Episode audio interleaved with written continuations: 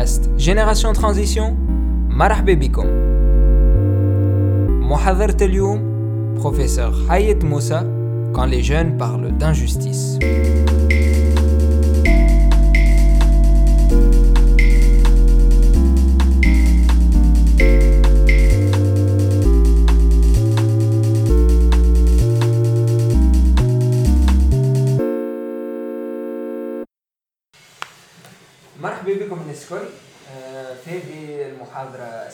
السابعة للدفعة الثانية نتاع جينيراسيون ترانزيسيون جيل الانتقال Donc aujourd'hui, on a la chance d'accueillir une grande intervenante.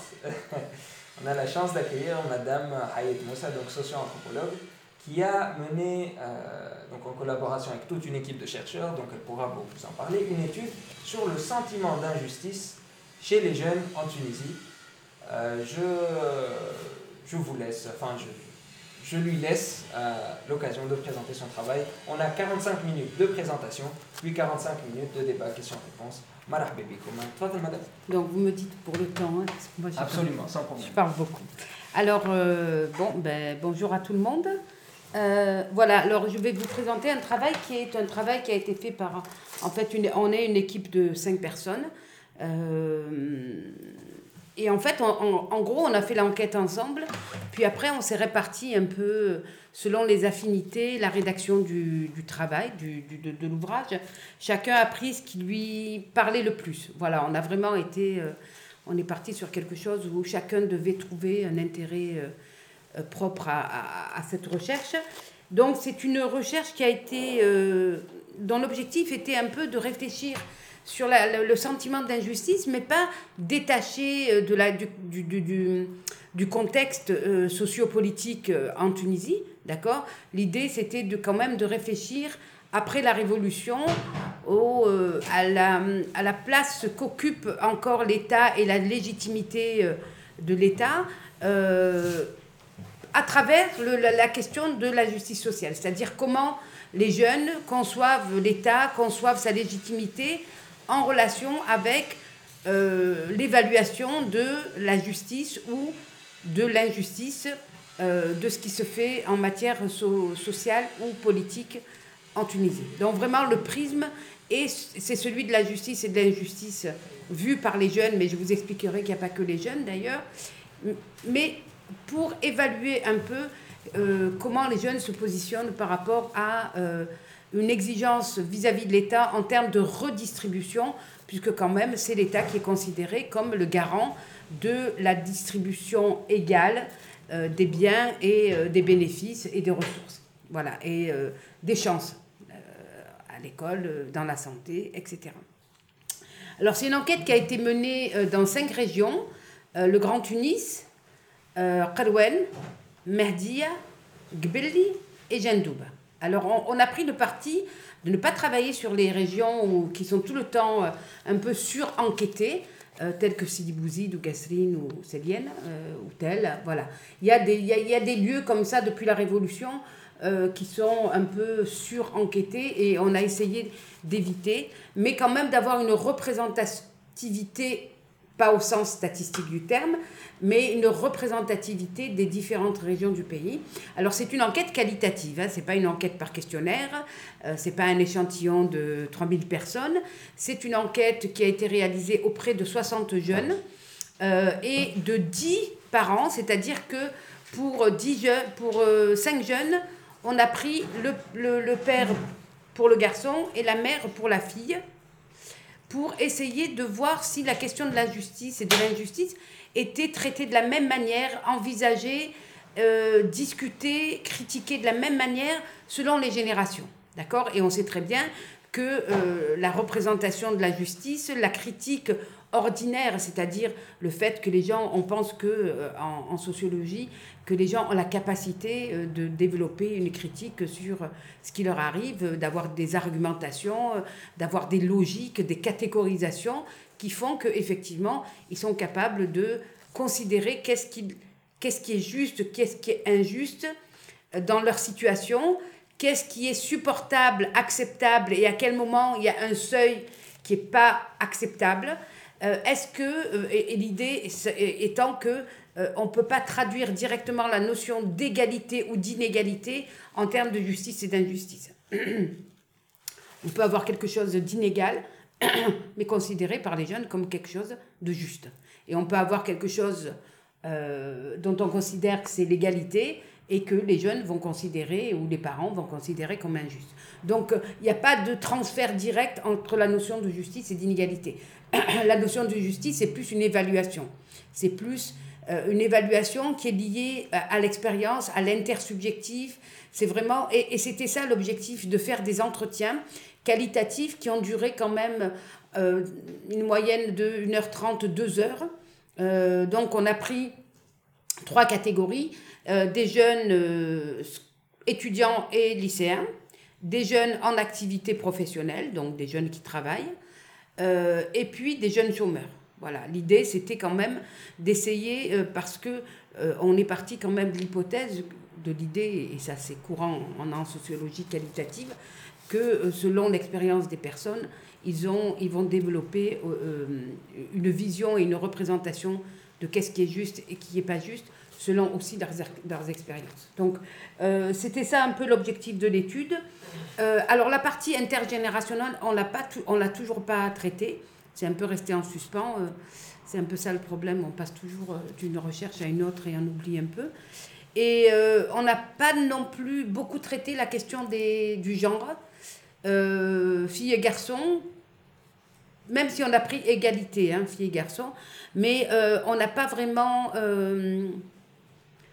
euh, creusé de manière très fine les différences. D'accord? Pour ce qui est des différences flagrantes, on les a discutées. Pour ce qui est des choses peut-être qui demandent plus d'approfondissement, on n'est pas allé jusque-là.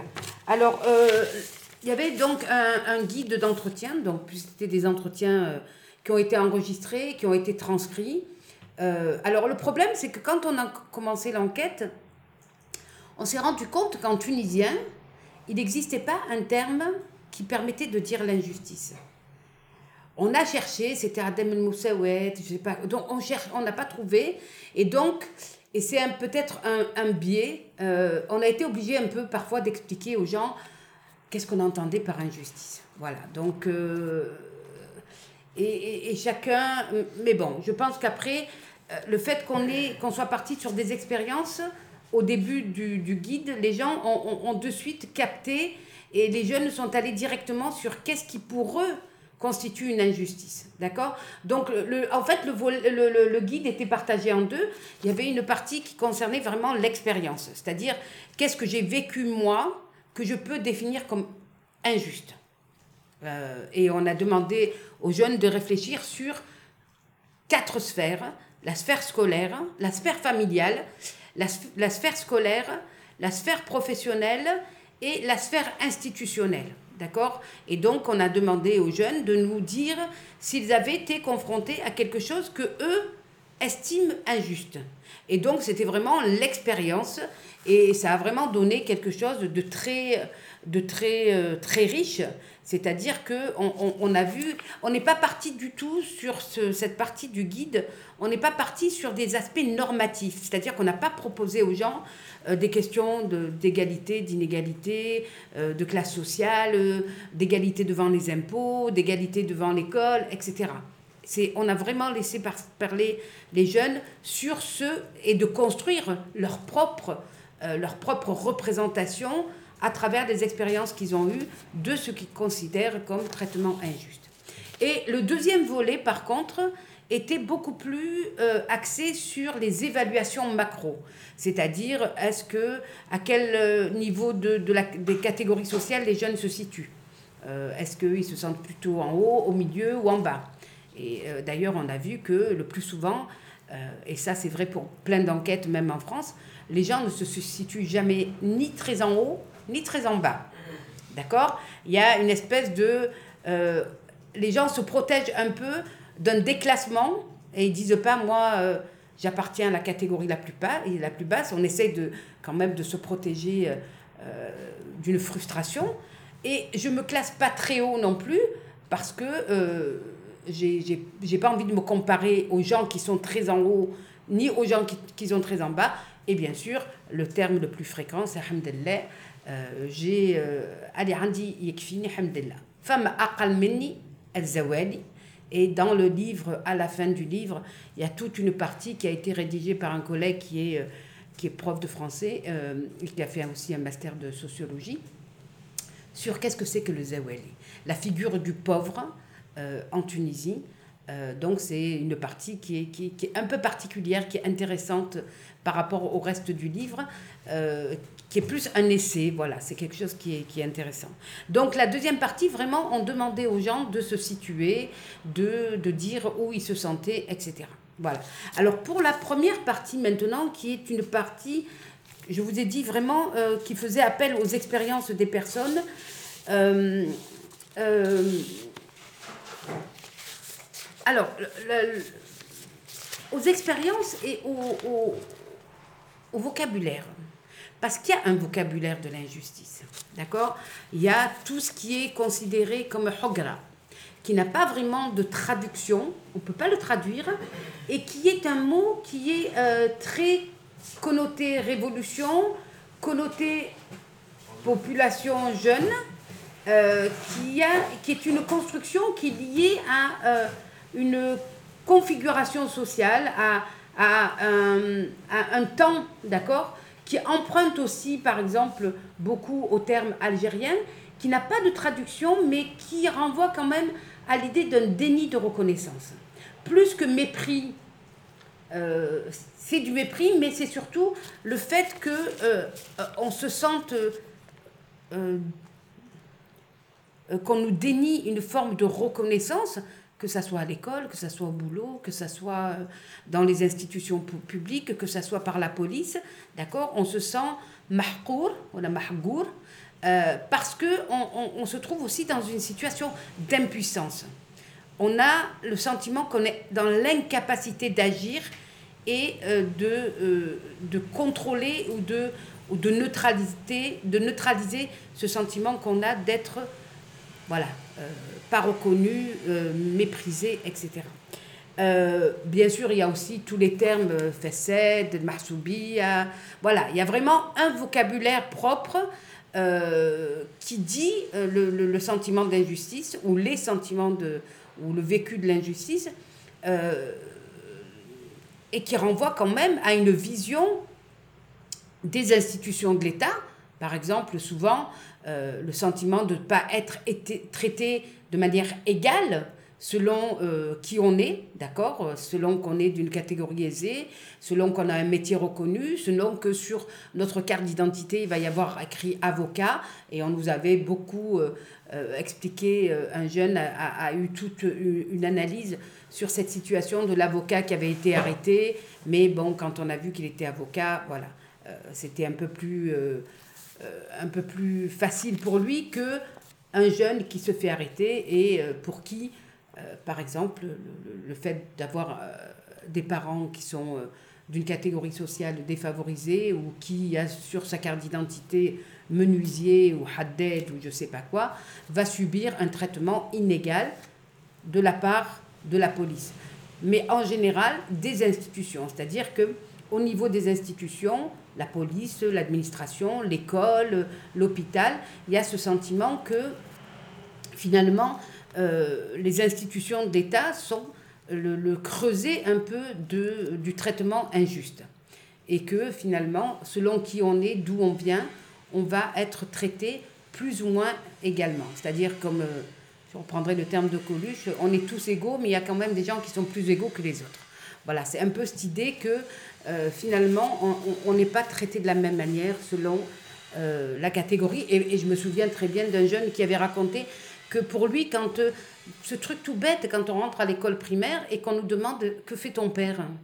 Et qu'il faut écrire, pour lui, ce petit bout de papier qu'il remettait à l'enseignant, c'était vraiment le truc de finalement, il veut savoir pour pour s'assurer est-ce qu'il peut m'humilier, me frapper parce que mes parents ne pourront pas réagir et ils seront impuissants ou est-ce qu'en fait euh, il peut euh, le fait que mon père euh, wasl voilà de d'accord il ne peut pas se permettre ni de m'humilier, ni de me frapper, ni d'avoir vis-à-vis de moi des gestes violents ou des termes violents parce qu'il sait que mes parents ne laisseraient pas.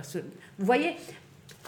Voilà, cette idée que écrire le métier de son père, qui nous semble tellement évident, et on a tous, euh, moi je pense comme vous, on a toujours vécu ça, d'écrire sur un papier qui, qui sont nos parents, comme ça peut être vécu comme une violence ou en tous les cas comme une catégorisation qui va aussi euh, donner euh, le ton de ce qu'on va vivre à l'école. D'accord? Alors justement sur l'école, dans cette, ce premier volet où on a interrogé les gens sur les quatre sphères, d'accord? Euh, Famille, école, travail et institution.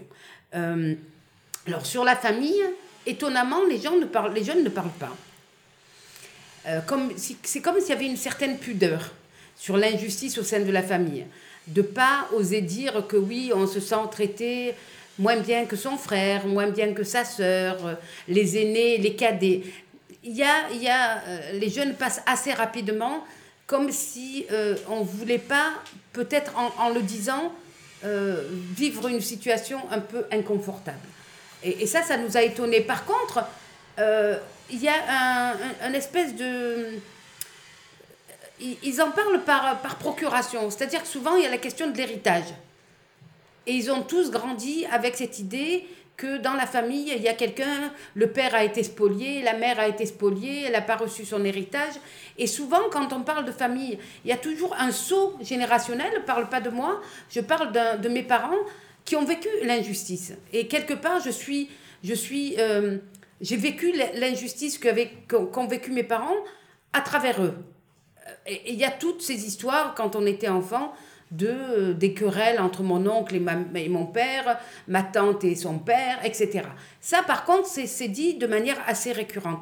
Mais sur l'injustice vécue à la famille, il y a une espèce de, de pudeur, de, de, voilà, les gens ne parlent pas beaucoup. Alors, les jeunes ne parlent pas beaucoup de ça, les, les parents parlaient aussi beaucoup d'héritage, voilà, parce que euh, finalement, l'amour, ça se mesure. Hein.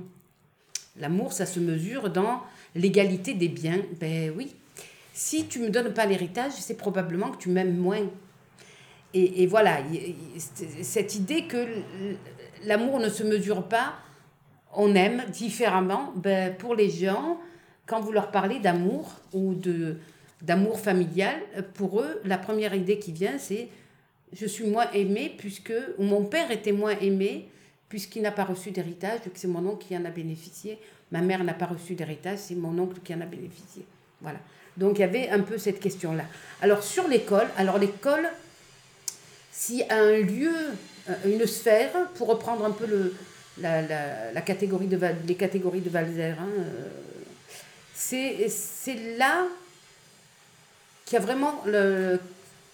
C'est la sphère qui cristallise le plus de sentiments d'injustice. Alors, pour une raison, pour deux raisons. D'abord parce que euh, les jeunes ont le sentiment que leur avenir s'est joué à l'école. Et que quand ils sont, euh, quand ils n'ont pas fait d'études, euh, l'école a été l'objet un peu de, de leur avenir et c'est irréversible. C'est-à-dire qu'ils font partie des perdants. Ils ont été, l'école les a mis dans la catégorie des perdants et ils passeront leur, leur, vie dans la catégorie des perdants avec un métier qui n'est pas celui qu'ils veulent faire, un métier où ils sont exploités, un métier où ils sont sous-payés, etc. Où ils subissent, on va le voir, un ensemble de violences euh, et d'exploitation. Donc euh, l'école, c'est vraiment... Et en plus, l'école est, hum, est, très décriée parce qu'elle est, elle est considérée comme, comme hum, contaminée par l'argent. C'est-à-dire que l'école qui devrait être euh, une, école de l'égalité des chances, ben finalement, il n'y a pas d'égalité des chances. Plus on a les moyens de rattraper les problèmes euh, d'échec scolaire parce que mes parents ont de l'argent, parce qu'ils peuvent payer des cours supplémentaires, parce qu'ils ont les moyens, si je ne réussis pas mon bac, de me payer des études en privé, etc. Euh, du coup, c'est vraiment l'idée qu'il y a une contamination euh, de l'école par l'argent qui est véritablement problématique et qui casse vraiment cette idée que l'école, elle est pour tous et que en fait, Elle doit vraiment permettre l'égalité des chances. Deuxième chose qui est importante quand les gens parlent de l'école, quand les jeunes parlent de l'école, c'est cette idée que, euh, que les, les, instituteurs, en particulier les instituteurs, hein, euh, il y a vraiment le...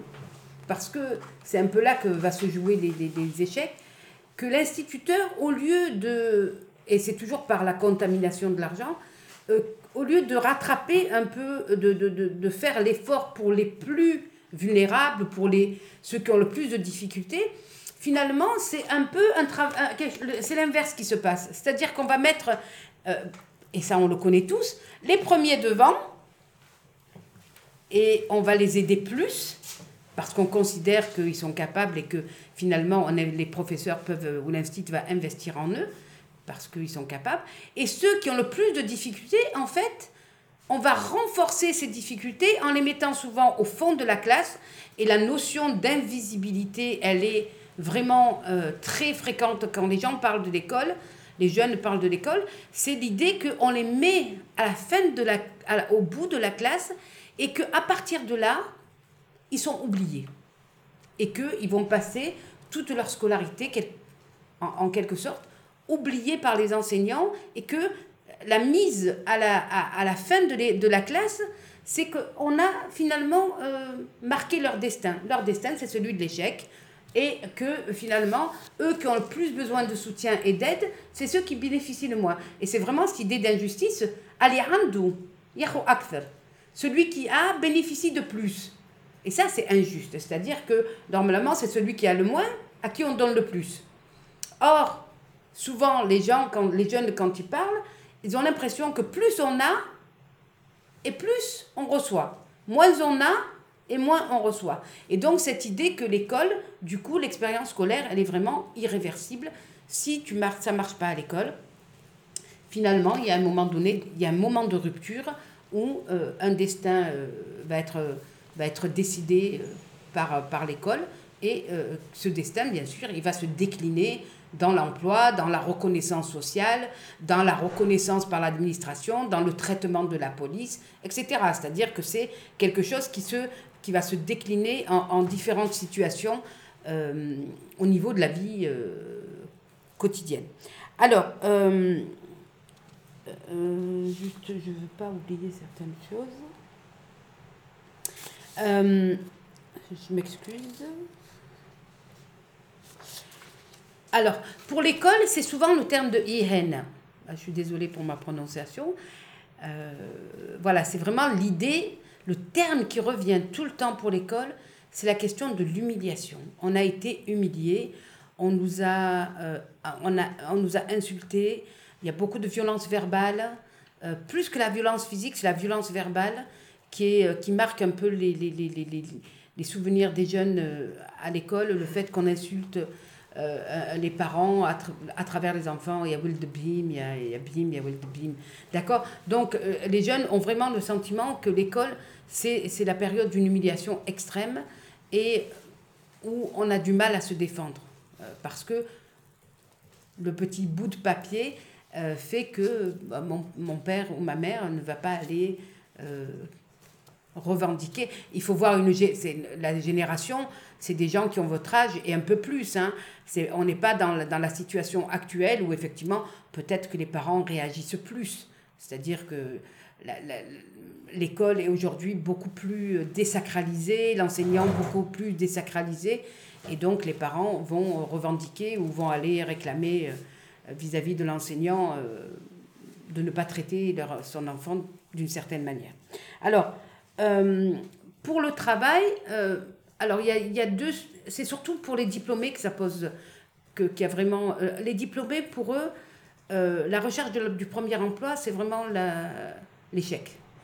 et comment ils mesurent cet échec? Ils mesurent à la fois par l'incapacité à se rendre utile, c'est-à-dire j'ai fait des études, j'ai appris des choses, j'ai envie de me rendre utile, et je suis dans l'incapacité d'être de, de, quelqu'un euh, qui va rendre service à la société, à la collectivité, montrer de quoi je suis capable. Donc finalement, la recherche du premier emploi va mettre l'accent sur, euh, sur ce que je n'ai pas. Et souvent, les jeunes d'ailleurs, euh, sont dans des, quand ils se définissent, c'est toujours en creux. Euh, je n'ai pas, je ne suis pas, مانيش ولد فلان ما عنديش ما عنديش معارف ما عنديش فلوس وماك تعرف اللي عنده 100 يسوى 100 اللي عنده مليون يسوى مليون c'est-à-dire que le sentiment qu'on vaut parce qu'on a il est très développé chez les jeunes c'est-à-dire que tu n'as rien tu n'es tu n'es rien euh, et on voit par exemple, euh, il y, a plein de, de, descriptions par exemple intéressantes autour du contrebandier. Le contrebandier, il est issu vraiment des familles les plus modestes, souvent dans les localités, mais parce qu'il a, alors du coup, c'est quelqu'un de reconnu, c'est quelqu'un qui, qui a une, une notoriété sociale, qui, qui, qui arrive à, à, à, se, à asseoir sa légitimité, ou en tous les cas sociale, peut-être pas au niveau juridique, d'accord, mais qui arrive à démontrer qu'il est quelqu'un. Euh, il est arrivé souvent de manière pas très pas légale, en vendant de l'alcool, en vendant, en faisant de la contra, je sais pas quoi, d'accord, mais en tous les cas, parce qu'il a, c'est quelqu'un qui va à la fois euh, être reconnu et vous mépriser. Et, et, cette idée que euh, finalement, on, on, le verra après, quand les gens parlent d'inégalité et que ils, décrivent des personnes qui ont beaucoup plus d'argent. C'est pas le problème de l'argent.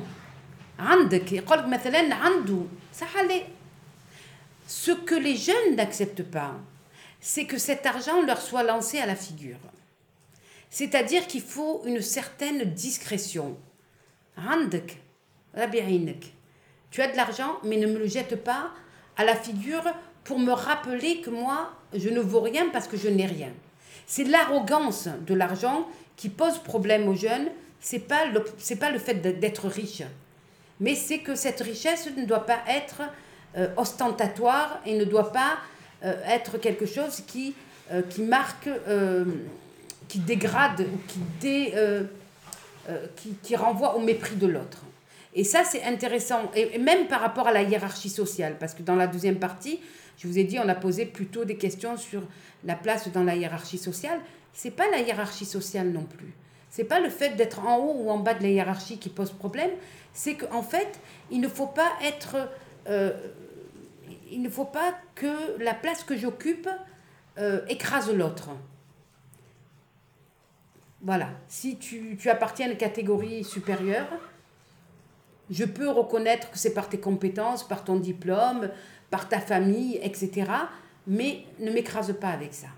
Et ça, ça revient souvent. C'est-à-dire que ce n'est pas la place qu'on occupe dans la société ou l'argent qu'on a dans la société qui, euh, pose, qui, qui, nous donne... Il euh, n'y a pas de frustration par rapport à ça. On l'accepte, mais au moins ne m'écrase pas avec ton argent. Euh, et par exemple, il y a une jeune fille qui disait, et ça je m'en souviens très bien de cette, de cette jeune fille, qui disait finalement, les gens, quand ils ont une belle voiture, اللي عنده كرهبة une grande voiture, qui تعدى قدامك والمطر تصب يطشك بالماء وكيبدا الدنيا سخونة يعبيلك يعبيك بالغبرة ماكش موجود tu n'existes pas et c'est ça qui est insupportable c'est pas qu'il ait une voiture c'est que tu disparais dans le mépris qu'il a à ton égard et ça, ça revient fréquemment, c'est-à-dire l'idée que l'argent euh, peut, euh, peut être un, un, support de mépris pour l'autre. Et, par exemple, dans, dans, la partie que mon collègue Ahmed Mediti a traitée, euh, il y a cette idée de démesure. C'est-à-dire quand les gens veulent toujours plus.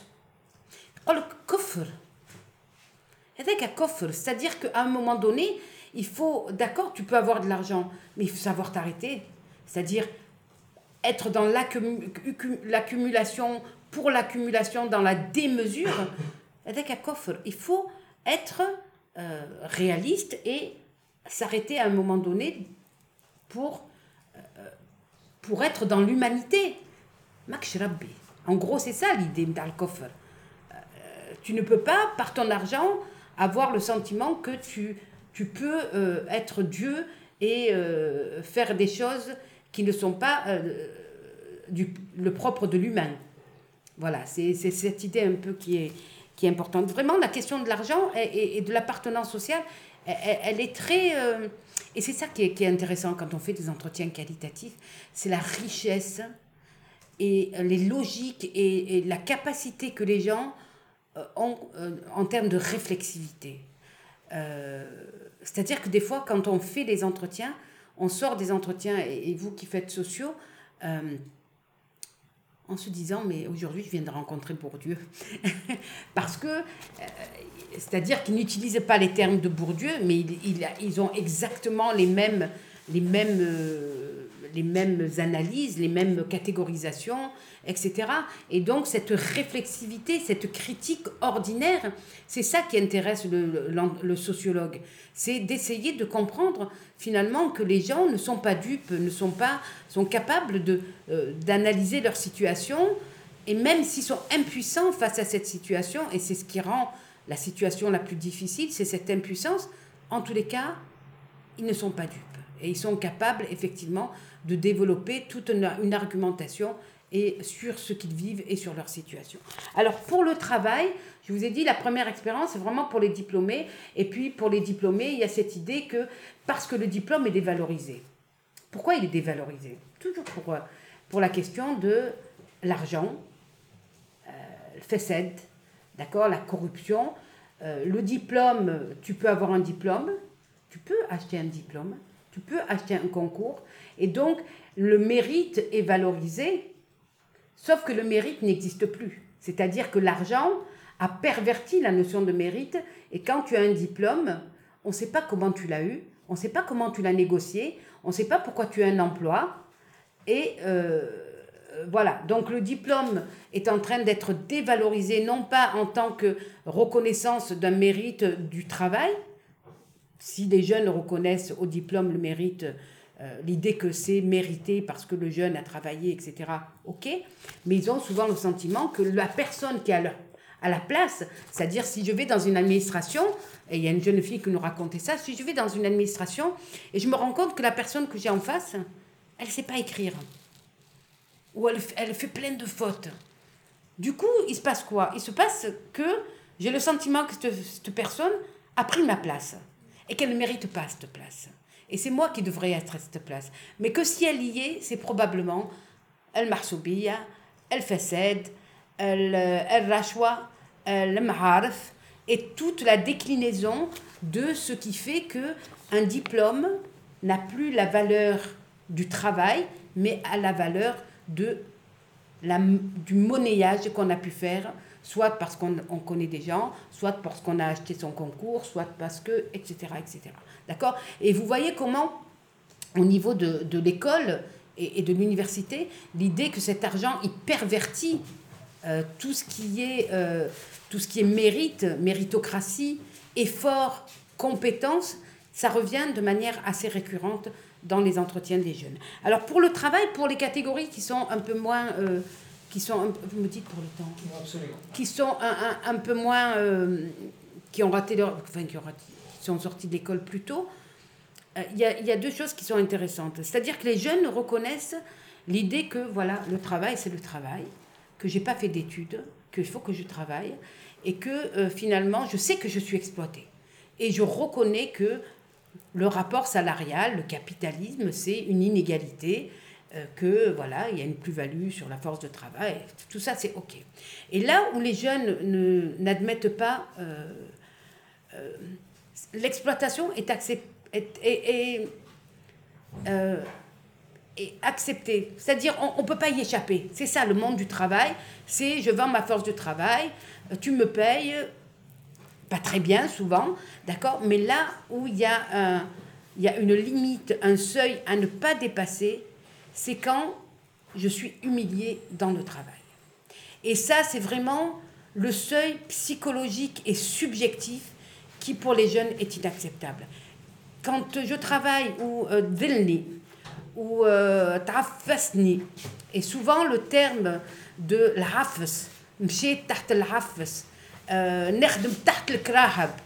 le, le, le terme de, du dessous, l'idée qu'on est toujours en dessous de, sous les pieds, sous la voiture, sous le patron, et souvent les jeunes ne veulent plus travailler sous un patron, à son compte.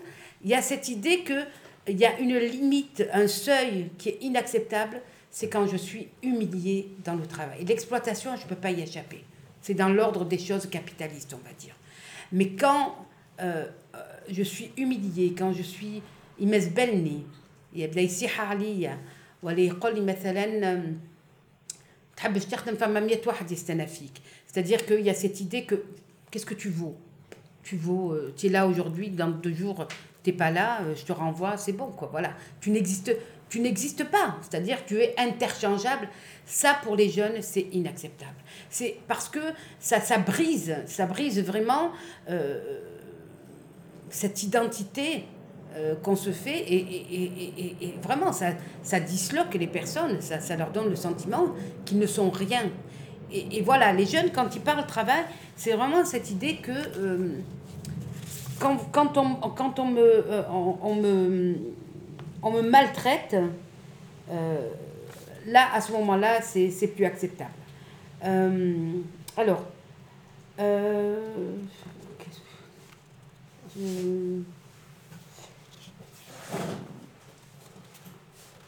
alors, pour les questions, euh, j'en ai un peu parlé, pour les questions qui sont moins euh, dans, l'expérience, hein, où les gens ont vraiment, pour, pour les questions d'expérience, c'est les jeunes qui ont construit euh, leur, leur catégorie d'analyse. Hein.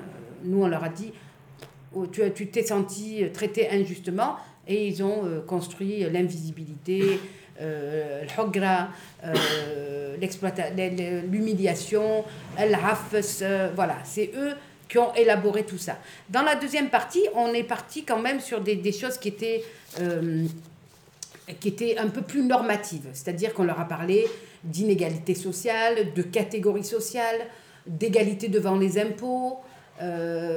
donc on, a essayé de voir comment les gens les jeunes se situaient par rapport à ces questions euh, sur euh, effectivement inégalité et injustice. Et comme je l'ai dit au début, l'inégalité n'est pas forcément injustice. C'est-à-dire que les jeunes peuvent reconnaître qu'une inégalité est tout à fait acceptable euh, parce que pour eux, elle se justifie d'une manière ou d'une autre.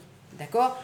Par exemple, par la compétence, par le mérite, par les études, par la pénibilité. Par exemple, ils vous disent, euh, oui, mais moi je pense qu'il faut que les gens qui ont un travail pénible, je ne sais pas, comme les jeunes de l'armée ou comme certains métiers où, où c'est difficile, dans les mines, etc., on reconnaisse la pénibilité comme euh, quelque chose, une, une espèce d'inégalité positive.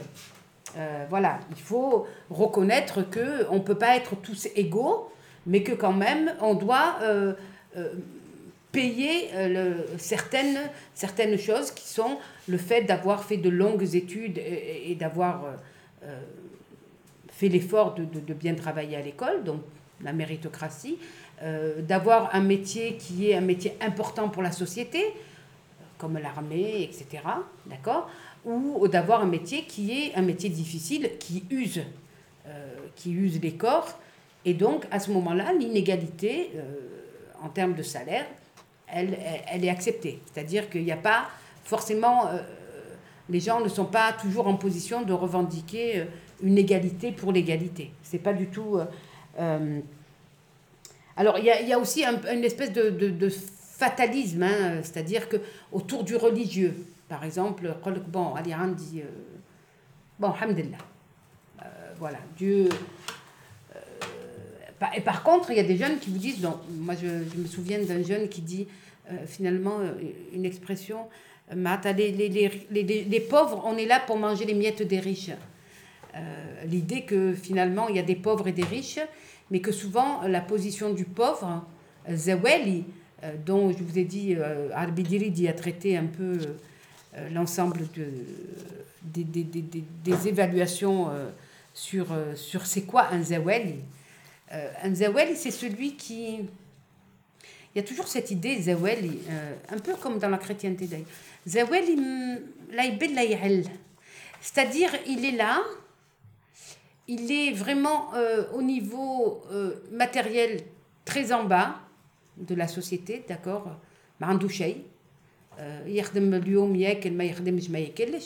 mais en même temps il y a cette idée que C'est quelqu'un qui est un peu dans, dans une espèce de,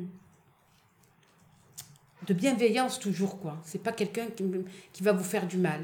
Et donc, presque, en fait, euh, il faut pas lui faire du mal. C'est cette idée, euh, voilà. Alors, quand on, on, on dit aux gens, euh, bien sûr, je vous ai dit, il y a toujours cette idée que non, on n'est jamais zawel, c'est vraiment celui qui est tout en bas. وإحنا الحمد j'ai pas de souci d'argent et je peux euh, gérer euh, je peux je peux savoir que demain je vais manger quoi d'accord donc il y a vraiment cette idée que que finalement euh, il y a quand même souvent une question de fatalité hein, dans, dans, dans quand les, gens, les jeunes parlent. Il y a à la fois de la, de la revendication, et, mais il y a une espèce de fatalité. Alhamdulillah. Il ne faut pas tout le temps penser à ce qu'on n'a pas parce que sinon c'est invivable. La comparaison, les jeunes vraiment évitent de se comparer. Parce que se comparer, c'est être frustré. Être frustré, c'est être malheureux. Donc je me situe au milieu. J'ai pas beaucoup, j'ai pas, euh, j'ai pas du tout. Je suis bien. Alhamdulillah. Ce que j'ai euh, me suffit. Alors, euh, alors, on en a déjà parlé, donc la métaphore de l'écrasement. Il y a vraiment cette idée hein, que quand, on n'a pas beaucoup d'argent, on, est souvent mis sous l'autorité de quelqu'un, sous, euh, sous le, le, pouvoir de quelqu'un, d'accord? Être piétiné. Et, souvent, pour les garçons en particulier, c'est la police qui est évoquée. C'est-à-dire que la police, c'est vraiment le deux poids, deux mesures. On sent que quand on est arrêté par la police, que euh, Manish Wildeflen. Et il y a vraiment cette idée récurrente de Wildeflen qui revient tout le temps. Euh, Euh, Yarafni Et donc, si je me fais arrêter par la police, je vais me faire embêter simplement parce que le, le, le, le policier, il voit sur ma carte d'identité que je suis juste Haddad et que si je suis Haddad, probablement Manarf Had. Donc, il va aller au maximum de l'humiliation, de, de, du mauvais traitement, m'arrêter. Donc on a eu des histoires d'arrestation, etc., euh, d'humiliation dans des commissariats. Euh, et ça, on l'a vu aussi quand j'ai fait l'enquête Fidorhish, hein, euh, quand les jeunes vous racontent que les policiers les arrêtent avant qu'ils montent dans les bus et ils leur demandent de retourner dans leur quartier, ou que quand ils descendent au centre-ville, à l'avenue Bourguiba, quand on voit Haïtadam Douarish, on leur dit Mais qu'est-ce que vous foutez là à, aller euh, à retourner dans votre quartier, d'accord euh, C'est un peu l'idée du zoo, quoi, comme dans les cités à Marseille, les cités à Marseille, puisque moi j'ai toujours vécu à Marseille, j'ai travaillé. Donc c'était vraiment l'idée de vous retourner dans vos cités, euh, vous retournez à Douarich, vous retournez à Haïtadam, vous n'avez rien à faire ici. Et, c'est cette idée aussi que voilà, la police peut tout faire quand vous n'avez pas de piston, quand vous n'avez pas de nom, que, que quand on ne vous connaît pas, ou est-ce que ne dit rien. Votre nom ne dit rien. Donc, on peut, on peut y aller euh, en termes de. Alors, il y a aussi euh, l'idée que quand on, par contre, on, demande de l'égalité, parce que quand même les gens euh, demandent de l'égalité, c'est. ok Ce qui revient souvent, c'est vraiment l'idée qu'il y a une commune humanité.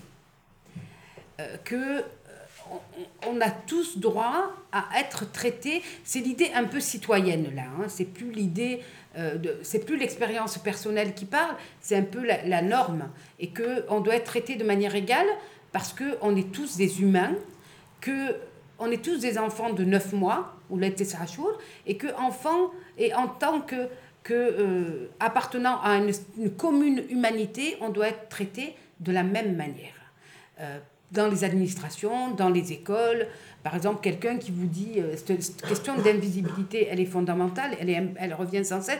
Quand quelqu'un vous explique que je suis allé مشيت مع امي للسبيطار قعدنا مصباح للعشيه ما خزر لنا حد ونشوفوا في العباد داخلين للكونسلتاسيون واحنا عباره ماناش موجودين on est invisible et c'est profondément humiliant et blessant d'avoir le sentiment qu'on ne vous voit pas et, de, passer inaperçu et de voir devant vous des passe-droits des gens qui viennent, qui rentrent avant vous, et après, ou alors une jeune femme qui, qui racontait, qui était femme de ménage dans un hôtel, et qui racontait que quasiment tous les lundis ou tous les mardis, avec sa mère, elle allait euh, les martemdia, et que elle restait là pendant des heures et elle repartait.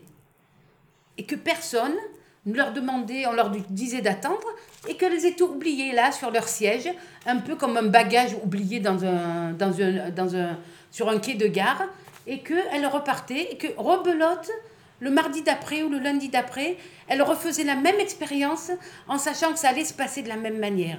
Et cette idée de, d'être dans une, une attente permanente, et l'idée de l'attente, il y a un, un très bon texte d'ailleurs de... Ah, bon, je ne me souviens plus du nom, euh, d'un chercheur tunisien qui parle justement de cette idée d'attente, du fait que quand vous allez, par exemple, les jeunes vont dans une administration, euh, Walem chez Lumbartemdi, Walem chez gouvernorat, comment on dit? Les Louis MSLN, pour demander un emploi. Que fait, le, que fait le monsieur? Il prend son dossier, il le met au-dessus de la pile, et lui dit on va pas t'oublier c'est juste une stratégie de l'attente. Et l'auteur explique comment, en fait, l'attente est devenue une stratégie de gestion euh, de la crise, de l'emploi des jeunes. Et que l'idée simplement de dire je vais appeler quelqu'un, ou de prendre le téléphone à ce moment-là et d'appeler quelqu'un qui va rien faire, ou de mettre le, la, pile sur, au-dessus, le, le, dossier au-dessus de la pile, ça fait que le, jeune, il a l'impression qu'on s'occupe de lui. Sauf que non, on est en train de gérer par l'attente son dossier qui va, la semaine d'après, sera quasiment au même endroit.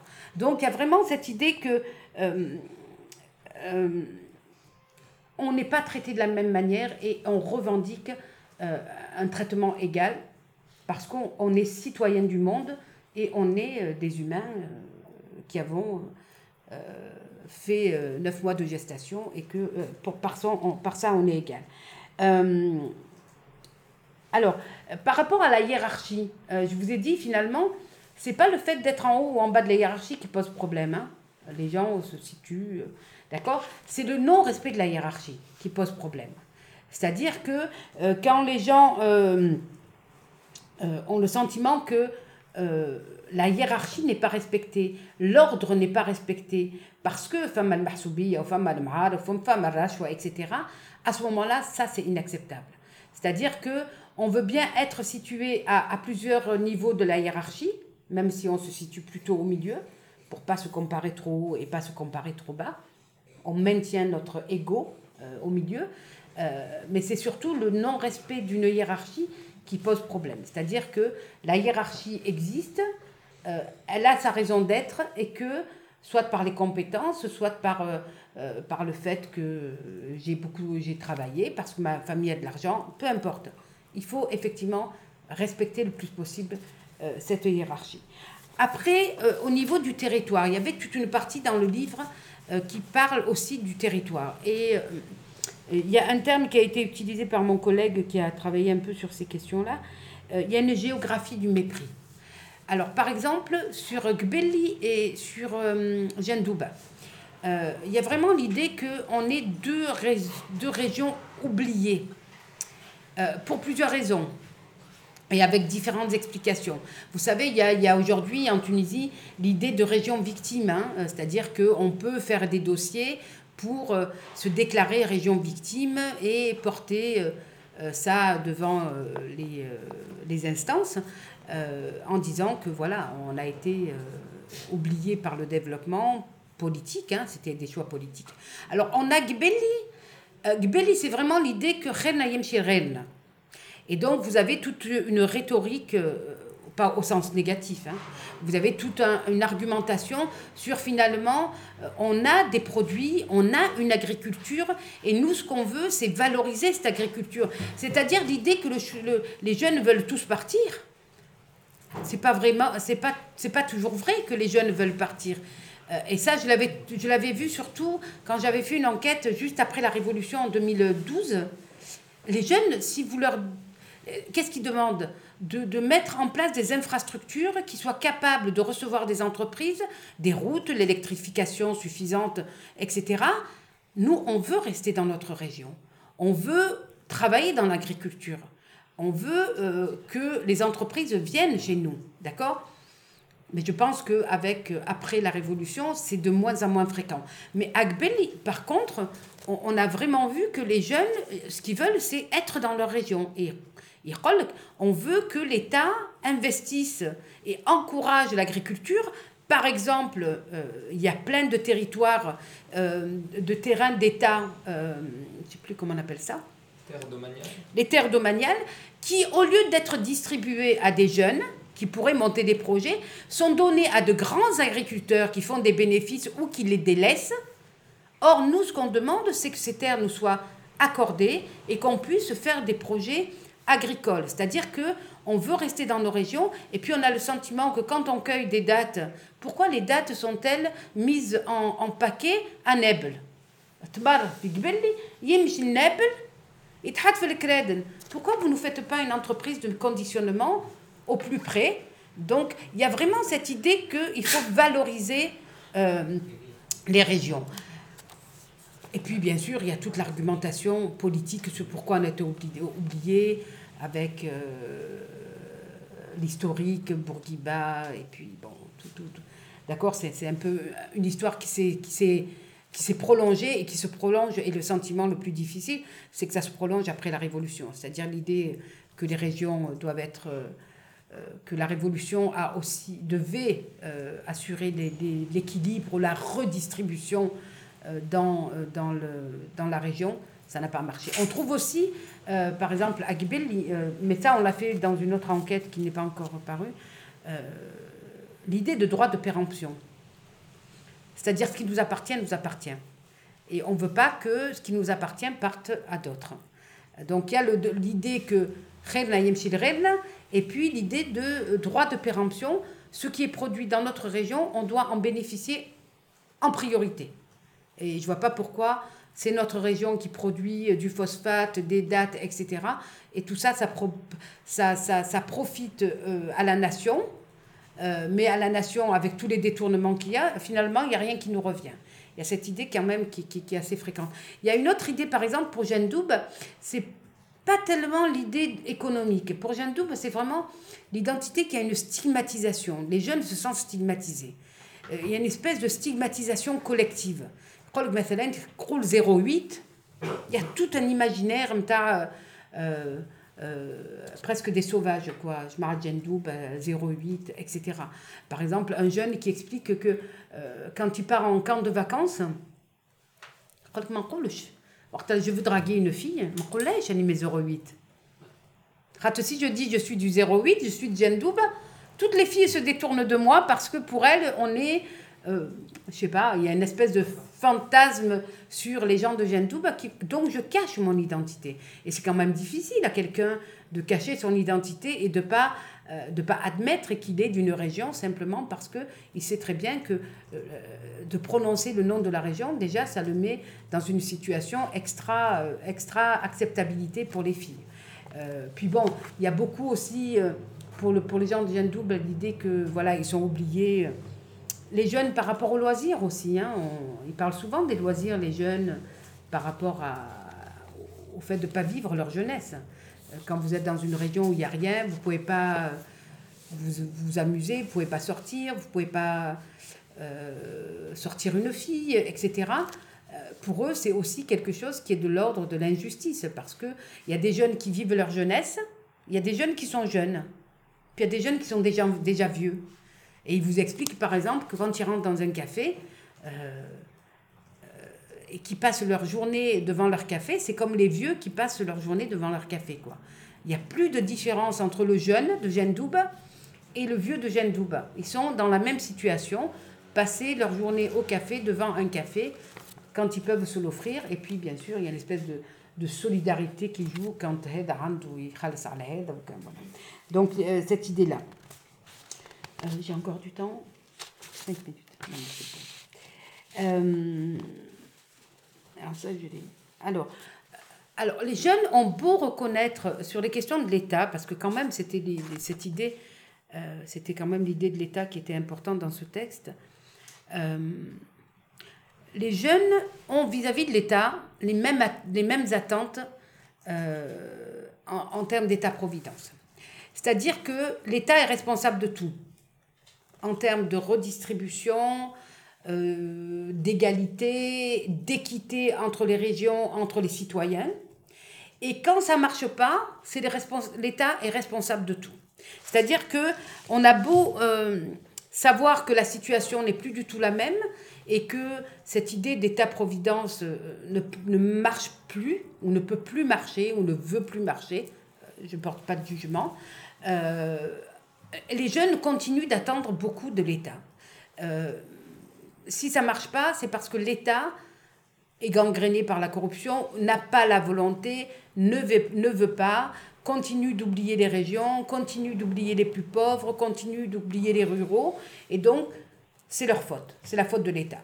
Et en même temps, on attend beaucoup de l'État parce que c'est l'État qui doit contribuer par la mise en place des infrastructures, par le développement des régions, par une redistribution équitable des ressources, par une redistribution par euh, euh, des, des, structures, des infrastructures, santé, euh, école, etc., qui doit participer à, à, au fait qu'on soit devant, dans un pays où il y a une certaine égalité. il y a.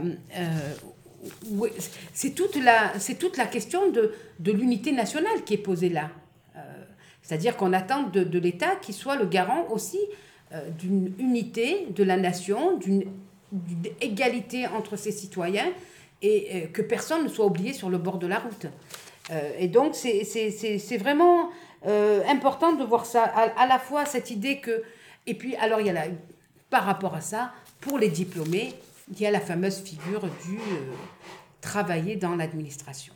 Alors on a beau savoir que c'est plus possible, que c'est difficile, les jeunes continuent à avoir ce sentiment que la seule échappatoire, la seule issue à la pauvreté, la seule issue à, au désespoir, c'est d'avoir un, travail dans la fonction publique.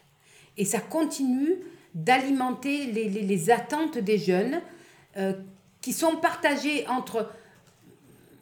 Je sais que c'est difficile, je suis pas je suis pas à côté de, excusez-moi, de la plaque, euh, je suis pas en train de rêver, mais en même temps, moi, c'est ça que je veux. C'est avoir, après tout, j'ai fait des études, et il y a souvent cette idée que j'ai fait des études, et mes parents se sont sacrifiés pour que je fasse des études. Et il y a vraiment cette idée toujours du, de la redevabilité euh, vis-à-vis des parents, euh, salf ou tab ou je sais pas quoi. Et il faut que j'ai un travail dans la fonction publique et que je puisse effectivement euh, quelque part restituer euh, soit de la fierté à mes parents, soit euh, ce qu'ils ont gaspillé financièrement. mais en tous les cas, c'est le seul moyen pour moi de, de, sortir de cette situation de chômage, pour, pour, les diplômés bien sûr, pour les jeunes non diplômés, la question ne se pose pas du tout. Hein.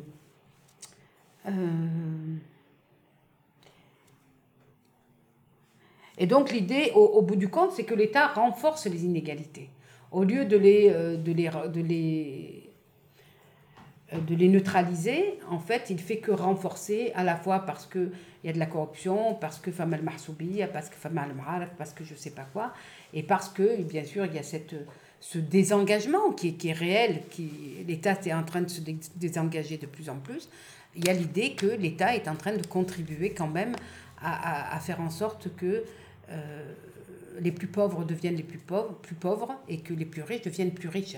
Et c'est ça qui est un peu difficile à accepter, c'est que euh, même si les jeunes, quand vous leur posez la question, se situent au milieu, la crainte, c'est quand même de descendre plus bas. Euh, et, surtout moi, et, sûrement pas la, la, crainte d'avoir de, de, de, monter plus haut. Hein.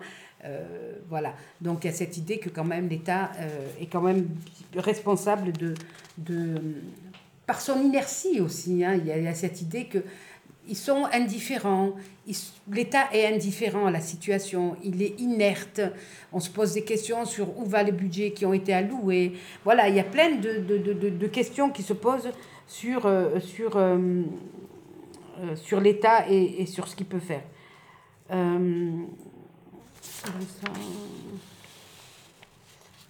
et finalement, l'État doit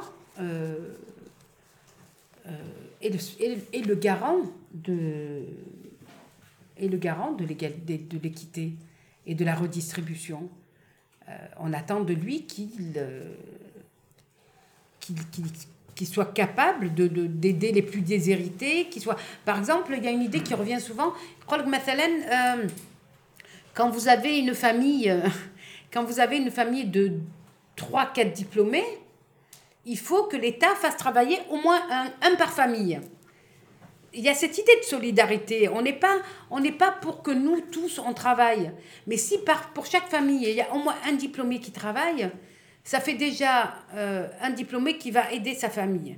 Et il y a cette idée que voilà, l'État peut effectivement faire des actions qui permettent, qui, va, qui vont permettre de, de, de euh, de faire en sorte qu'il y ait moins d'égalité entre les citoyens, les familles et les régions. Je crois que j'ai fini. C'est bon? Merci. Bon, j'ai pas fini, mais c'est pas grave. C'est bon, on va pouvoir en, discuter. Euh, bah, merci beaucoup, madame. Écoutez, on a fait une heure déjà. Euh, ah, je parle, je parle beaucoup. Écoutez, on passe euh, aux questions. Donc, est-ce qu'il y a des, questions euh, déjà? D'accord, on commence par là-bas, Par contre, je vous demanderai juste de, répéter la question pour l'enregistrement. D'accord. Tout d'abord, je voudrais vous remercier pour votre intervention. Euh, bas, j'ai des informations à vous. Donc, on a la forge, avec donc, la plupart des étudiants, mais. فما اللي فما حاجات اللي ظهرت لي هكا فيزا خاطر par exemple فما فما الكيستيون الاولانيه نتاع لي جون فما دي جون اللي يحمدوا ربي. يعني يحمد ربي معناتها يستوفي قدر قدام Moi, je le vis en tant que jeune, en tant que jeune employé. ما نحكيش حتى على الكلاس اللي هي في سيتواسيون انفيريور حتى نحكي على الكلاس موين متأكد بال... معناتها متأكد 1000% إذا 95% من يلقى أي اوبورتونيتي باش يطلع لبرا حتى ولو كان شغل في أقل يطلع.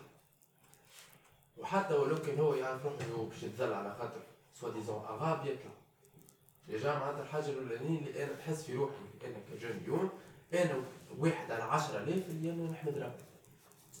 خاطر انا مستغني على فكره اللي انا لازم نلعب دونك كو سوا في خير ولا كو سوا في سيتواسيون بي ولا كو سوا حتى في سيتواسيون اللي نجم حتى نحك راسي ونقولوا 8 دونك 8 دونك يطلع غدوه لفرنسا ويخلي تونس على روحه Alors, je dois préciser que l'enquête a été faite auprès de gens issus de milieux populaires. D'accord? Il, risque, il, se peut qu'il y ait une comparaison. On va peut-être travailler euh, avec mon collègue sur peut-être des gens issus de milieux plus aisés. Alors, il faut juste. Alors, sur la question de Hamdel, elle est, euh, elle est sur la comparaison. C'est-à-dire que quand vous posez la question aux gens et vous leur demandez de se comparer, et ça, c'est. Euh, même des travaux en France ont montré que les gens ne se comparent pas ni très haut ni très bas. Veulent trouver un équilibre.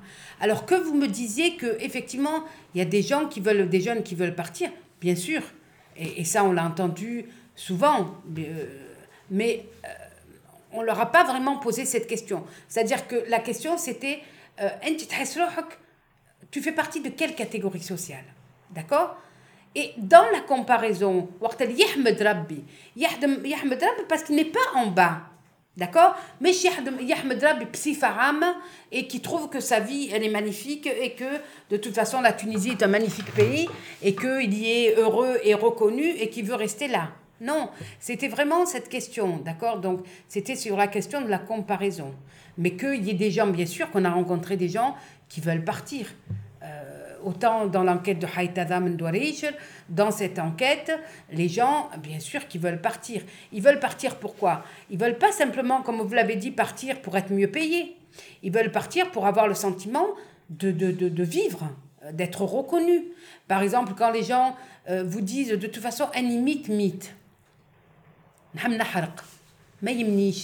Au moins, je suis actif. Je suis, je suis maître de ma vie je décide que peut-être je vais mourir.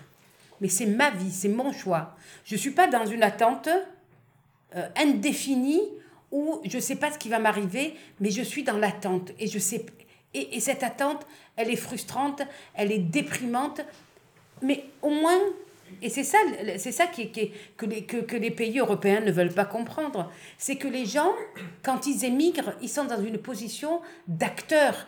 Ils sont dans une démarche active. Ils font des choix. Quitte le choix de mourir.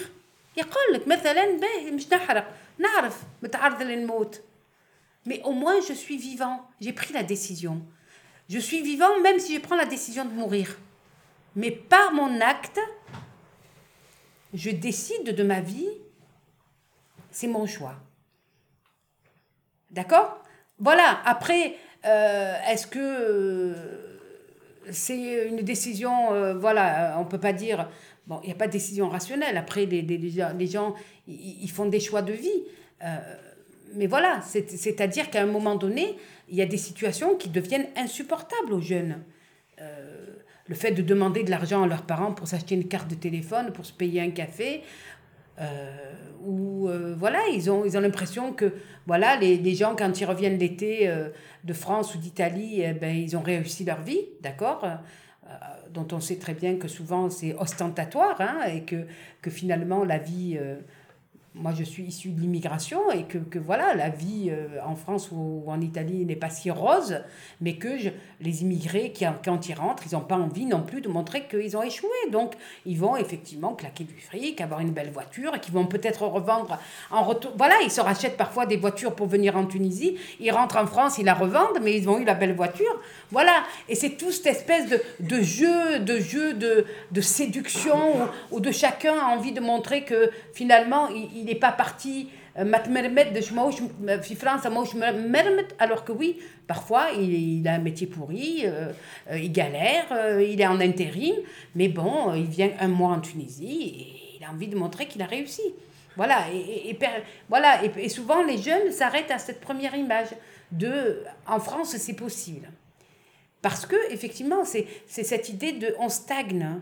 Voilà, quand les gens, les jeunes disent souvent نحس روحي ميت بالنسبة لي مانيش عايش إنسان ميت راقد j'ai envie de, de vivre, hein, voilà, et c'est légitime euh, pour un vieux ou pour un jeune d'avoir envie de, de, de, se sentir vivant. Je ne sais pas si j'ai répondu à votre... Ah, oui, oui, oui, exactement. Mais euh, bon, euh, par rapport à un autre point, si, si j'ai la possibilité. Donc, je voudrais parler du côté du, du, du point de l'État-providence. En fait, parce que euh, le problème, c'est une question d'inégalité. Euh, je ne dirais pas que.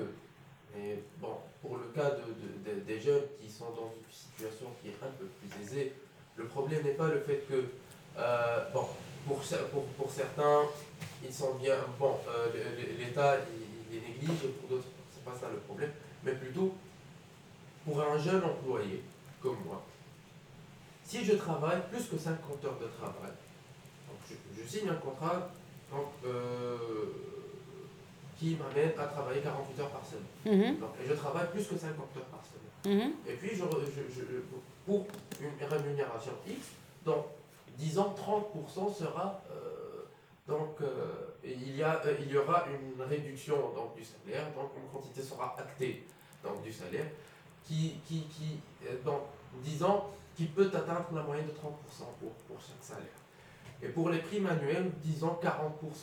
Donc si je travaille 50 heures par semaine, pour que 30% de mon salaire va directement à l'État, sans, sans avoir de résultats concrets,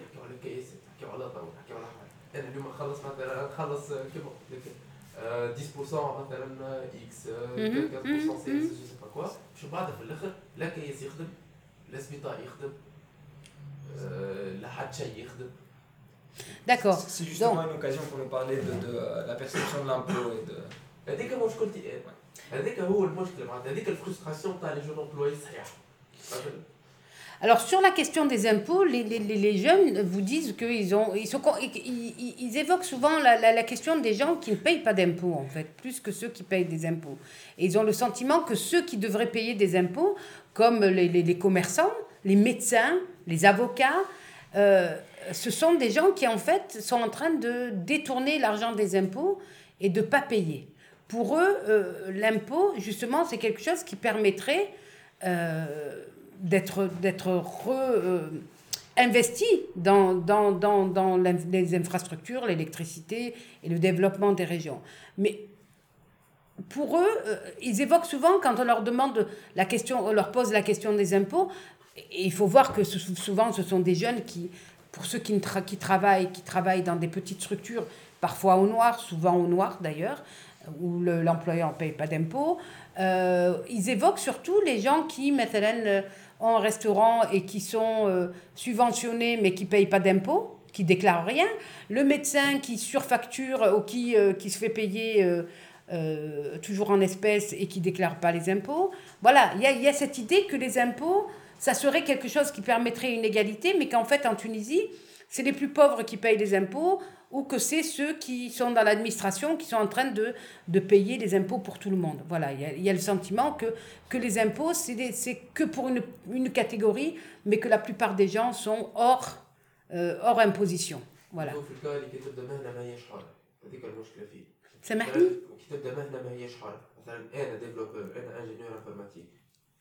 Oui, vous travaillez à votre compte Dans une boîte Dans une boîte. D'accord. Dans une boîte.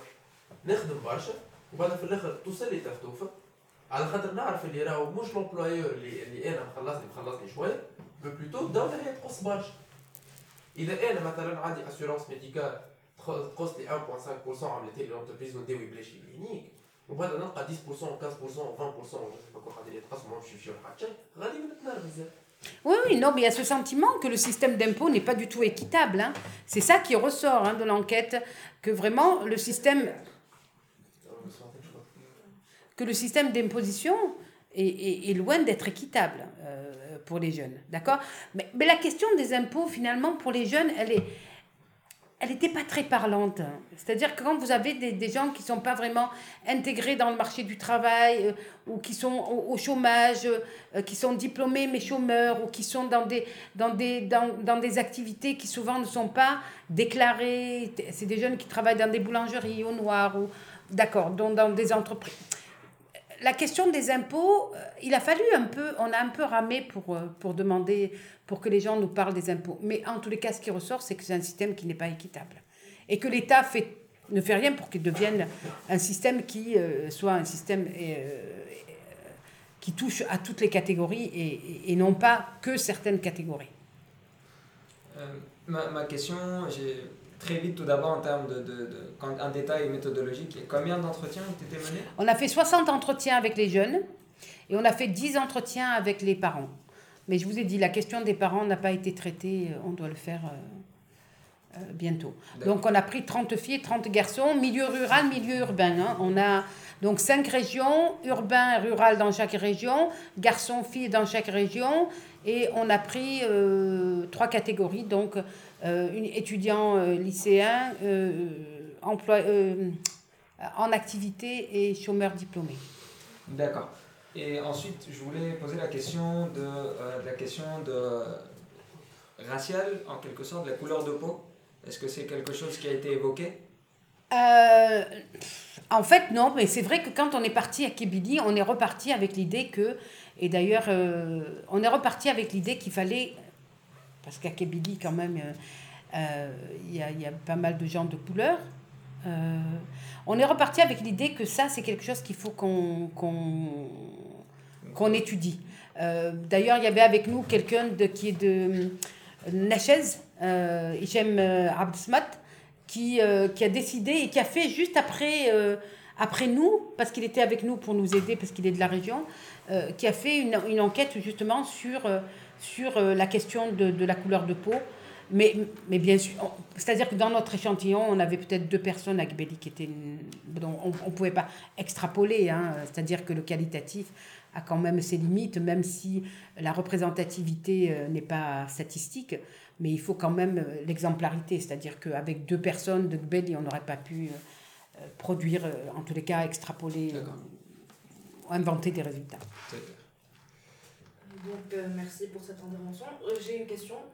Euh, bon, je suis loin de représenter les échantillons que vous avez étudiés et c'est un point que je n'arrive pas à comprendre. Pourquoi euh, tant d'attractivité pour la fonction publique À part le salaire fixe, qu'est-ce qui fait que ces jeunes ont euh, pour but ultime justement d'intégrer l'administration et euh, la fonction publique? Par exemple, pour moi, c'est le truc à suivre, vraiment. Le truc où il ne faut, pas du tout mettre les pieds. Après, c'est mon avis. Parce que justement, c'est des gens qui sont souvent issus de milieux modestes, c'est que c'est un salaire euh, à vie. Euh, donc, c'est à la fois un salaire à vie, et puis il faut voir aussi que c'est des jeunes qui souvent ont, fait des, des, des, des ont, étudié des disciplines euh, où il n'y a pas beaucoup de débouchés, par exemple, je sais pas, lettres, etc., et où les concours administratifs sont peut-être un moyen d'accéder à l'emploi, et, et, que par exemple, souvent, le problème qui se pose, c'est que euh, les structures, euh, les, institutions étatiques n'existent pas dans leur région. C'est un peu compliqué, par exemple, quand il n'y a pas de poste, il y a Famesh Martemdi, Famesh. Euh, d'accord? Donc, déjà, ils voient pas trop, ils savent qu'ils doivent quitter leur région pour, pour trouver. Mais pour eux, la, fonction publique, c'est la sécurité de l'emploi. Ça, c'est voilà, c'est pouvoir faire des projets, c'est pouvoir euh, se marier, c'est pouvoir euh, construire une maison, euh, c'est pouvoir fonder une famille, voilà, avoir un salaire. On sait que on n'est pas dans, dans la précarité, on sait que c'est pas je travaille dix jours, Rameliomi. et la plupart des, des gens qu'on a interviewés avaient des parents qui étaient mais Et c'est des jeunes qui ont vécu avec l'idée que aujourd'hui leur père a, travaillé, ils ont de quoi manger. Et trois, trois jours après, il n'a pas travaillé pendant une semaine. Et ça devient compliqué à gérer la situation au sein de la famille. Donc cette idée de précarité ou de, de, euh, d'insécurité permanente autour du salaire euh, fait déjà, et c'est pas la seule raison, fait déjà que les gens, les jeunes recherchent aussi une sécurité de l'emploi. Euh, après, je vous dis aussi les spécialités qu'ils ont fait, c'est-à-dire que quand ils ont fait des spécialités lettres, ils ne se voient pas travailler dans une entreprise c'est-à-dire qu'ils n'ont pas un métier technique non plus. Donc, euh, pour eux, le, le, le, plus envisageable, c'est effectivement euh, le, Je pense que c'est un fantasme aussi. C'est.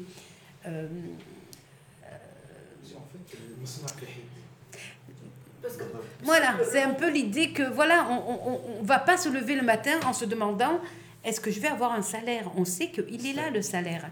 C'est la stabilité. Et vraiment, c'est par exemple, il y a des régions où, euh, dans le sud, qui ils gagnent beaucoup plus que quelqu'un qui va aller tous ah les jours travailler. Euh, en plus, les salaires dans la fonction publique qui sont assez bas surtout en bas de l'échelle. Oui, mais bon, euh, la, la, la, la, je sais pas, bon, vous faites droit euh, entre le Knatri. Bah, bah, je sais pas, moi, si j'étais jeune là-bas, je me disais, non, les Knatria, euh, je gagne le salaire de, mais, mais il y en a qui le font. mais il y en a qui le font. Quand vous savez, quand les gens vous disent qu'ils sont au chômage, les jeunes, souvent ils sont pas réellement au chômage. Ils d'abord Souvent ils travaillent à droite. Ils يعملوا contrat. مثلا يجيب لك l'essence من الجزائر يبيع في في جندوبه ça moi je l'ai vu mais euh, mais l'idée aussi c'est que qnatri c'est pas un métier c'est pas un métier c'est un truc qui est euh, qui est un métier, qui est un, truc informel, je ne peux pas dire métier, qui est l'activité informelle, qui n'est pas une activité légitime, qui est, pas une, activité, qui est une activité illicite. Euh, bien sûr que ça. La maison, d'avoir la plus belle épouse euh, de la région. oui, mais on rentre pas, on rentre pas en, en, en contrat, en, comme on rentre dans, dans un métier. C'est, pas la même chose. Oui, même si c'est ça... c'est un caractère occasionnel. Bien sûr. La personne il est en train de. Il de se débrouiller. Voilà. Mais euh, il y a des diplômés, je vous dis, moi, il y a des diplômés qui font ça.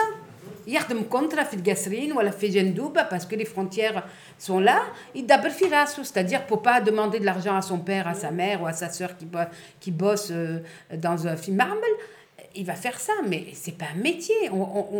On n'envisage pas une carrière féconde, c'est-à-dire vous pouvez pas, euh, voilà. Moi, si j'étais un de ces jeunes, bah, je, je laisse tomber euh, la fonction publique, je fais ça. Par exemple, si j'étais là-bas, j'avais vraiment besoin d'argent. Parce que vous pensez, vous pensez argent, mais ils font ça, ils font ça en pensant argent. Mais ils feront jamais ça en pensant carrière et avenir. Oui, mais bon, la fonction publique. Euh, et oui. Mais... nous, nous, les gens, ils sont, ils sont bons. Les gens ne sont pas mauvais. Ils ne cherchent pas à faire des choses illégales, etc. فما C'est حكاية pas dans la nature des gens. فما حكاية الحرام والحلال راهو لا catégorie de حرام وحلال elle, elle- elle موجودة عند chez les jeunes Euh, le licite et l'illicite c'est-à-dire faire de l'argent en vendant du vin euh, au noir ou euh, en vendant de la zatla ou en ramenant de la il y a ce sentiment qu'on fait de haja haram. Est-ce qu'on peut le faire toute sa vie? Non. est-ce que je suis en accord avec mes convictions religieuses? Non. Est-ce que mes parents euh, euh, sont fiers de moi? Non, peut-être pas. D'accord? Je ramène de l'argent, ok, ça fait, ça fait bouillir, bouillir, la, bouillir la marmite. Mais est-ce qu'en termes de reconnaissance de, de mon entourage et, et, de moi-même, euh, par exemple, quand on a fait l'enquête à Douarij, la question du licite et l'illicite, euh, c'était très, très fréquent. Euh, euh, voilà. Et, et, les, et jeunes font parfois les choses, mais ils ont quand même le sentiment de faire quelque chose qui, re, dans la religion, n'est pas. Vous savez, on a, les Tunisiens ont une culture très religieuse, en fait. Hein. Ben, ben, ça reste, hein, ça, ça, ça, ça, ça, traverse les, les, les, les, les les logiques des jeunes, le, le haram ou le halal, ou mm. le haja al-maqboula, mish maqboula, ou, ou le zayt al-waldin. Donc ils préfèrent un statut social à une rémunération? À une reconnaissance, Oui, une reconnaissance sociale, à une rémunération dont ils savent que peut-être demain ils vont se faire arrêter, ou que le marché va se tarir, ou que. voilà, l'informel à terme, c'est pas bon sûr. Bah, d'accord, je vais m'acheter une Isuzu, euh, voilà, c'est- et c'est ça que racontent les jeunes. hein. Ils ont cette idée que le contrat, ça- mais en même temps, ils sont pas fascinés par le, ils sont fascinés par l'argent. Et ils ont le sentiment que ces, ces gens sont sortis de rien, mais qui sont méprisants parce qu'ils ont tellement d'argent. Mais يقول لك جو كونترا صح عليه و- وتبارك الله عليه وبني و- لا، يقول لك مثلا يخدم في الكونترا ويحقرنا Mm. ما يغزرناش هو باش باش استغنى ما هو باش راب Ouais. حاجه حرام Vous voyez, le- le- le- l'argent fascine, mais en même temps, c'est pas le but ultime. C'est-à-dire que la reconnaissance sociale, le fait de- d'être, euh, de, de, de, de, de, de- de faire quelque chose qui trahit pas les convictions de la famille, etc., c'est aussi important. Mais bon, ils le font aussi. hein. Ils se débrouillent, hein. système D, hein. je veux dire, il n'y a, pas- il y a pas le choix. hein.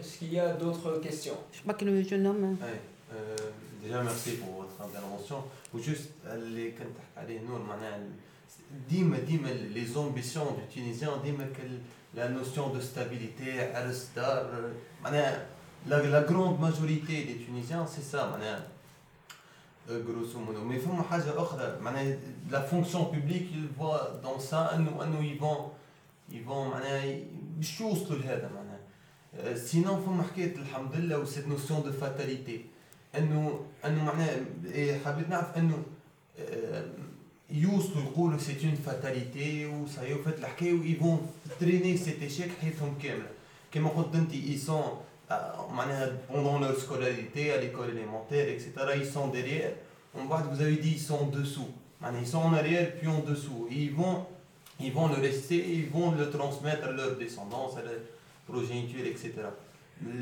Est-ce que vous avez constaté qu'il y a une certaine volonté? Il y a une impuissance certainement, ou il y a une certaine volonté de vouloir changer les choses? Et qui ils vont, vous dire, Alhamdulillah, on le voit partout, Mais est-ce que vous avez constaté qu'il y a, des gens qui, qui ont changé, qui ont essayé du moins de changer les choses? Non, mais c'est comme je disais au, au, au, jeune homme tout à l'heure, quand les gens disent Hamdallah, c'est une façon de. de... Mais, mais ce pas des gens qui sont passifs. C'est des gens, maintenant, il, il, a le sentiment qu'il est tarte il va essayer d'aller ailleurs, de trouver un autre boulot. Euh, par exemple, les jeunes nous disent souvent Moi, j'ai envie d'être à mon compte. Bah, dès que j'ai la possibilité, c'est pour ça que la métaphore de tarte, elle est toujours. Euh, تحت العفس, تحت العرف, تحت ال, euh, تحت ال, ال- D'accord, c'est- ça revient souvent تحت الكربة. Euh, mais c'est pas des gens qui sont euh, fatalistes euh, dans le sens où ils vont, s- euh, voilà, ils vont. euh, euh, il y a une expression euh, algérienne, "Hashisha talba maïcha", c'est-à-dire se contenter du peu qu'ils ont en se disant que merci mon Dieu. Non, c'est des gens qui ont, qui ont, que- que- qui ont des envies, qui, ont des, bah, qui, qui, vont essayer d'améliorer, qui, pendant un temps, par exemple, ils n'ont pas de famille, ils vont accepter un boulot qui est mal payé, euh, où ils sont, et après ils vont chercher peut-être quelque chose qui est mieux payé, où ils sont reconnus. Euh, voilà, c'est-à-dire qu'il y a aussi un seuil au-delà duquel les gens ne peuvent pas rester. Je me je suis humiliée en permanence dans mon boulot, euh, je ne vais, pas, je vais pas continuer, quoi. je vais essayer de trouver autre chose. Même au niveau de salaire, du salaire, hein, bien sûr. Si quelqu'un me propose mieux, bien sûr que je vais aller vers le mieux. Je vais chercher. je vais essayer une je sais qu'il est en train de m'exploiter, hier ou SIVP ou je sais pas quoi, mais en même temps il me paye une misère. Donc je, je sais que j'ai les compétences aussi. Pour, et souvent les jeunes ouvrent des trucs ensemble, euh, ils se mettent ensemble en petits groupes.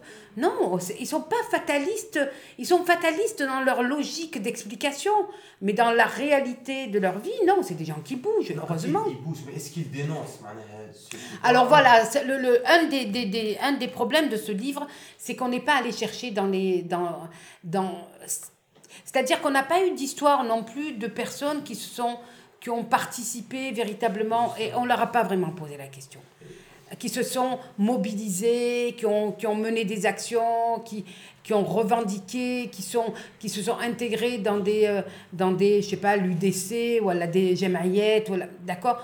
On va pas dire que non parce qu'on ne leur a pas posé la question. On est en train de faire un travail justement sur les mobilisations collectives. Euh, sur certaines régions, Gbelli notamment, on est retourné à Gbelli, euh, parce qu'il y a des expériences de Fawad, de Renault Pétrole, etc.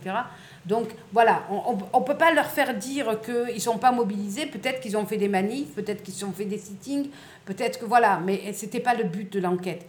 L'enquête, c'était vraiment de laisser les gens, les gens parler, euh, de construire leur logique et d'aller chercher au fond d'eux euh, les récits de l'injustice et pas de les mettre dans, au niveau collectif et au niveau de, de, revendications ou de la lutte collective ou de la mobilisation collective. Voilà. Donc on, c'est vrai que on nous a souvent, on nous a pas mal euh, un peu reproché ça, mais c'était un parti pris. On peut pas tout faire. On peut pas, voilà, une enquête peut pas tout dire. Merci. Il y a d'autres, euh, d'autres questions. J'ai, j'ai une question encore méthodologique. Vous avez dit que vous avez choisi quatre sphères école, travail, famille, institution. Vous parlez de quelle institution? L'institution, l'hôpital, euh, les, les, institutions de l'État. De l'État, d'accord.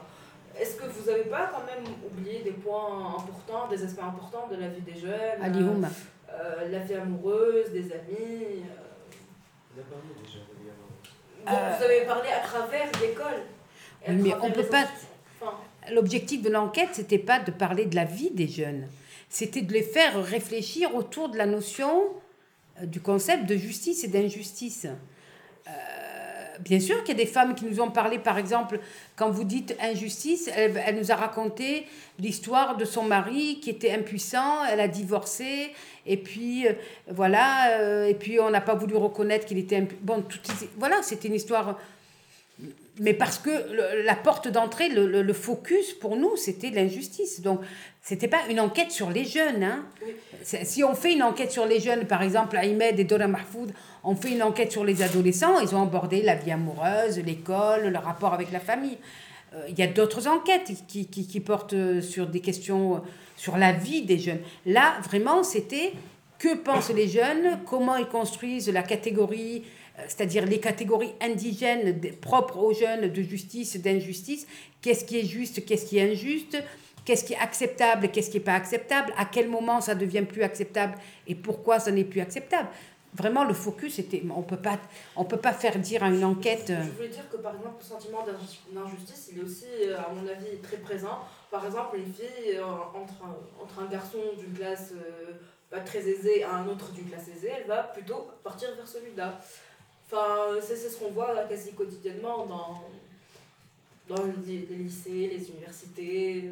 Oui, alors à ce moment-là, il faut lire l'ouvrage de De Singlis sur sur euh, les stratégies matrimoniales. C'est-à-dire que, bon, voilà, il y a, y a, des textes qui ont travaillé sur ces questions-là. Nous, euh, bon, c'était pas du tout notre objectif euh, de savoir si des filles... Les, les, femmes ont tendance à plutôt monter dans les hiérarchies matrimoniales. Elles, les femmes ouvrières épousent des employés les femmes, les hommes ouvriers épousent plutôt des ouvrières. Et on sait que les femmes ont plutôt tendance à, aller chercher euh, plus haut. Euh, mais bon, ce n'était pas l'objectif. Voilà. S'il y a d'autres... Euh, bon, une question que vous avez déjà abordée au début. la différence entre l'inégalité et l'injustice. Et est-ce que les inégalités sont-elles signes d'injustice? Non. Les gens, par, par, exemple, vous, par exemple, quand on pose la question du salaire, jusqu'à quel point vous acceptez que quelqu'un gagne maintenant 3000 dinars? Pour, pour eux, on peut gagner 3000 dinars si on fait un métier qui est, qui est important pour la société, qui est, euh, où on a, qui est le résultat de longues études. On accepte qu'il y ait des inégalités de salaire et que moi, par exemple, euh, qui travaille à Ramelioum, je gagne 200 euh, dinars, 250 dinars. Je, l'accepte. Euh, mais l'idée, c'est que ce n'est pas injuste. Je ne considère pas que un, médecin qui a fait 8 ans d'études, qui sauve des vies, puisse gagner beaucoup plus que moi ce qui me dérangera par contre, c'est le fait qu'il ne paye pas d'impôts ou qu'il trafiquent les impôts, mais pour moi, ce n'est pas une injustice, parce que je reconnais le mérite, je, je reconnais le travail des gens. Peut-être ce que je demanderais, c'est que les gens qui font aussi un travail pénible soient reconnus euh, et que on revalorise leur salaire et que les études et le mérite ne soient pas le seul. Mais non, euh, les inégalités de salaire ne sont pas. Les inégalités de salaire sont sont pas acceptées quand ils sont dans la démesure. Voir les coffres. مثلا واحد un patron d'entreprise يربح 10 ملايين يقول لك هذا يكفر معناتها وين ماشيين بيه mais sinon, non, il n'y a pas cette idée d'équivalence, de superposition absolue entre Donc, quelque chose. L'injustice, c'est les inégalités, mais les inégalités n'ont pas forcément euh, injustice. C'est Mahni Les inégalités n'ont pas, euh, n'est pas forcément n'est pas considéré forcément comme une injustice. Et que pensez-vous euh, aux inégalités positives Discrimination positive Non, euh, ah, discrimination positive, oui. Euh, envers qui, par exemple? Vers les régions, par exemple, mm. comme Gbeli, le Sud, etc. Est-ce qu'elles ne sont pas considérées comme des inégalités C'est pour cela qu'on parle la discrimination positive. C'est-à-dire, par exemple, et souvent les jeunes euh, dans l'enquête que j'avais fait en 2012, évoque ça, c'est-à-dire qu'ils les régions du littoral ont eu leur quota. Donc, et on doit prendre dans les entreprises ou la fonction publique 80% Après, est-ce que c'est réaliste ou pas quoi? Est-ce qu'on peut effectivement, euh, ça veut dire où vous mettez les, les diplômes, où vous mettez euh, voilà, après le, le, curseur, comment on fait pour, pour dire aux gens que euh, il n'a pas été pris parce qu'il y a une région prioritaire, parce qu'elle est considérée. Voilà. C'est à discuter, je suis ni pour ni contre. Hein. C'est pas la constitution de 2014, oui, mais comment on fait pour le, pour le, pour le, le mettre en pratique? Est-ce que considérer que sur, dans des, sur les, des emplois de la fonction publique, par exemple, on prendrait que 20% du littoral, Merdi, Yassous, etc., à la Khatloum, déjà ils ont eu leur quota, ou, ou que Borgé bah, les a favorisés et que maintenant il faut prendre 80% من الجهات الداخلية ولا من القبلي وسديان voilà est-ce que quand on dit discrimination positive euh, ça veut dire quoi concrètement en termes d'action d'activité de Excusez-moi, juste, juste par rapport à cette question de discrimination positive. Parce qu'en fait, c'est en Tunisie, c'est quelque chose qui cache une autre, euh, une autre réalité c'est la discrimination positive envers les régions et non pas envers les habitants des régions. Et donc, par exemple, vous allez faire la fonction publique territoriale, c'est-à-dire qu'il va y avoir un concours un quota. de fonctionnaires Agbeli. Les gens qui vont participer et qui vont réussir, ce n'est pas nécessairement les gens d'Agbeli, c'est des gens qui sont externes à, externes à Même la discrimination positive, en fait, elle n'est pas. C'est un, un joli slogan, mais en fait, à l'intérieur, c'est pas du tout ce qu'ils attendent. Et ça va être une grande déception. Comme beaucoup de choses. Merci beaucoup, madame. Merci, à vous.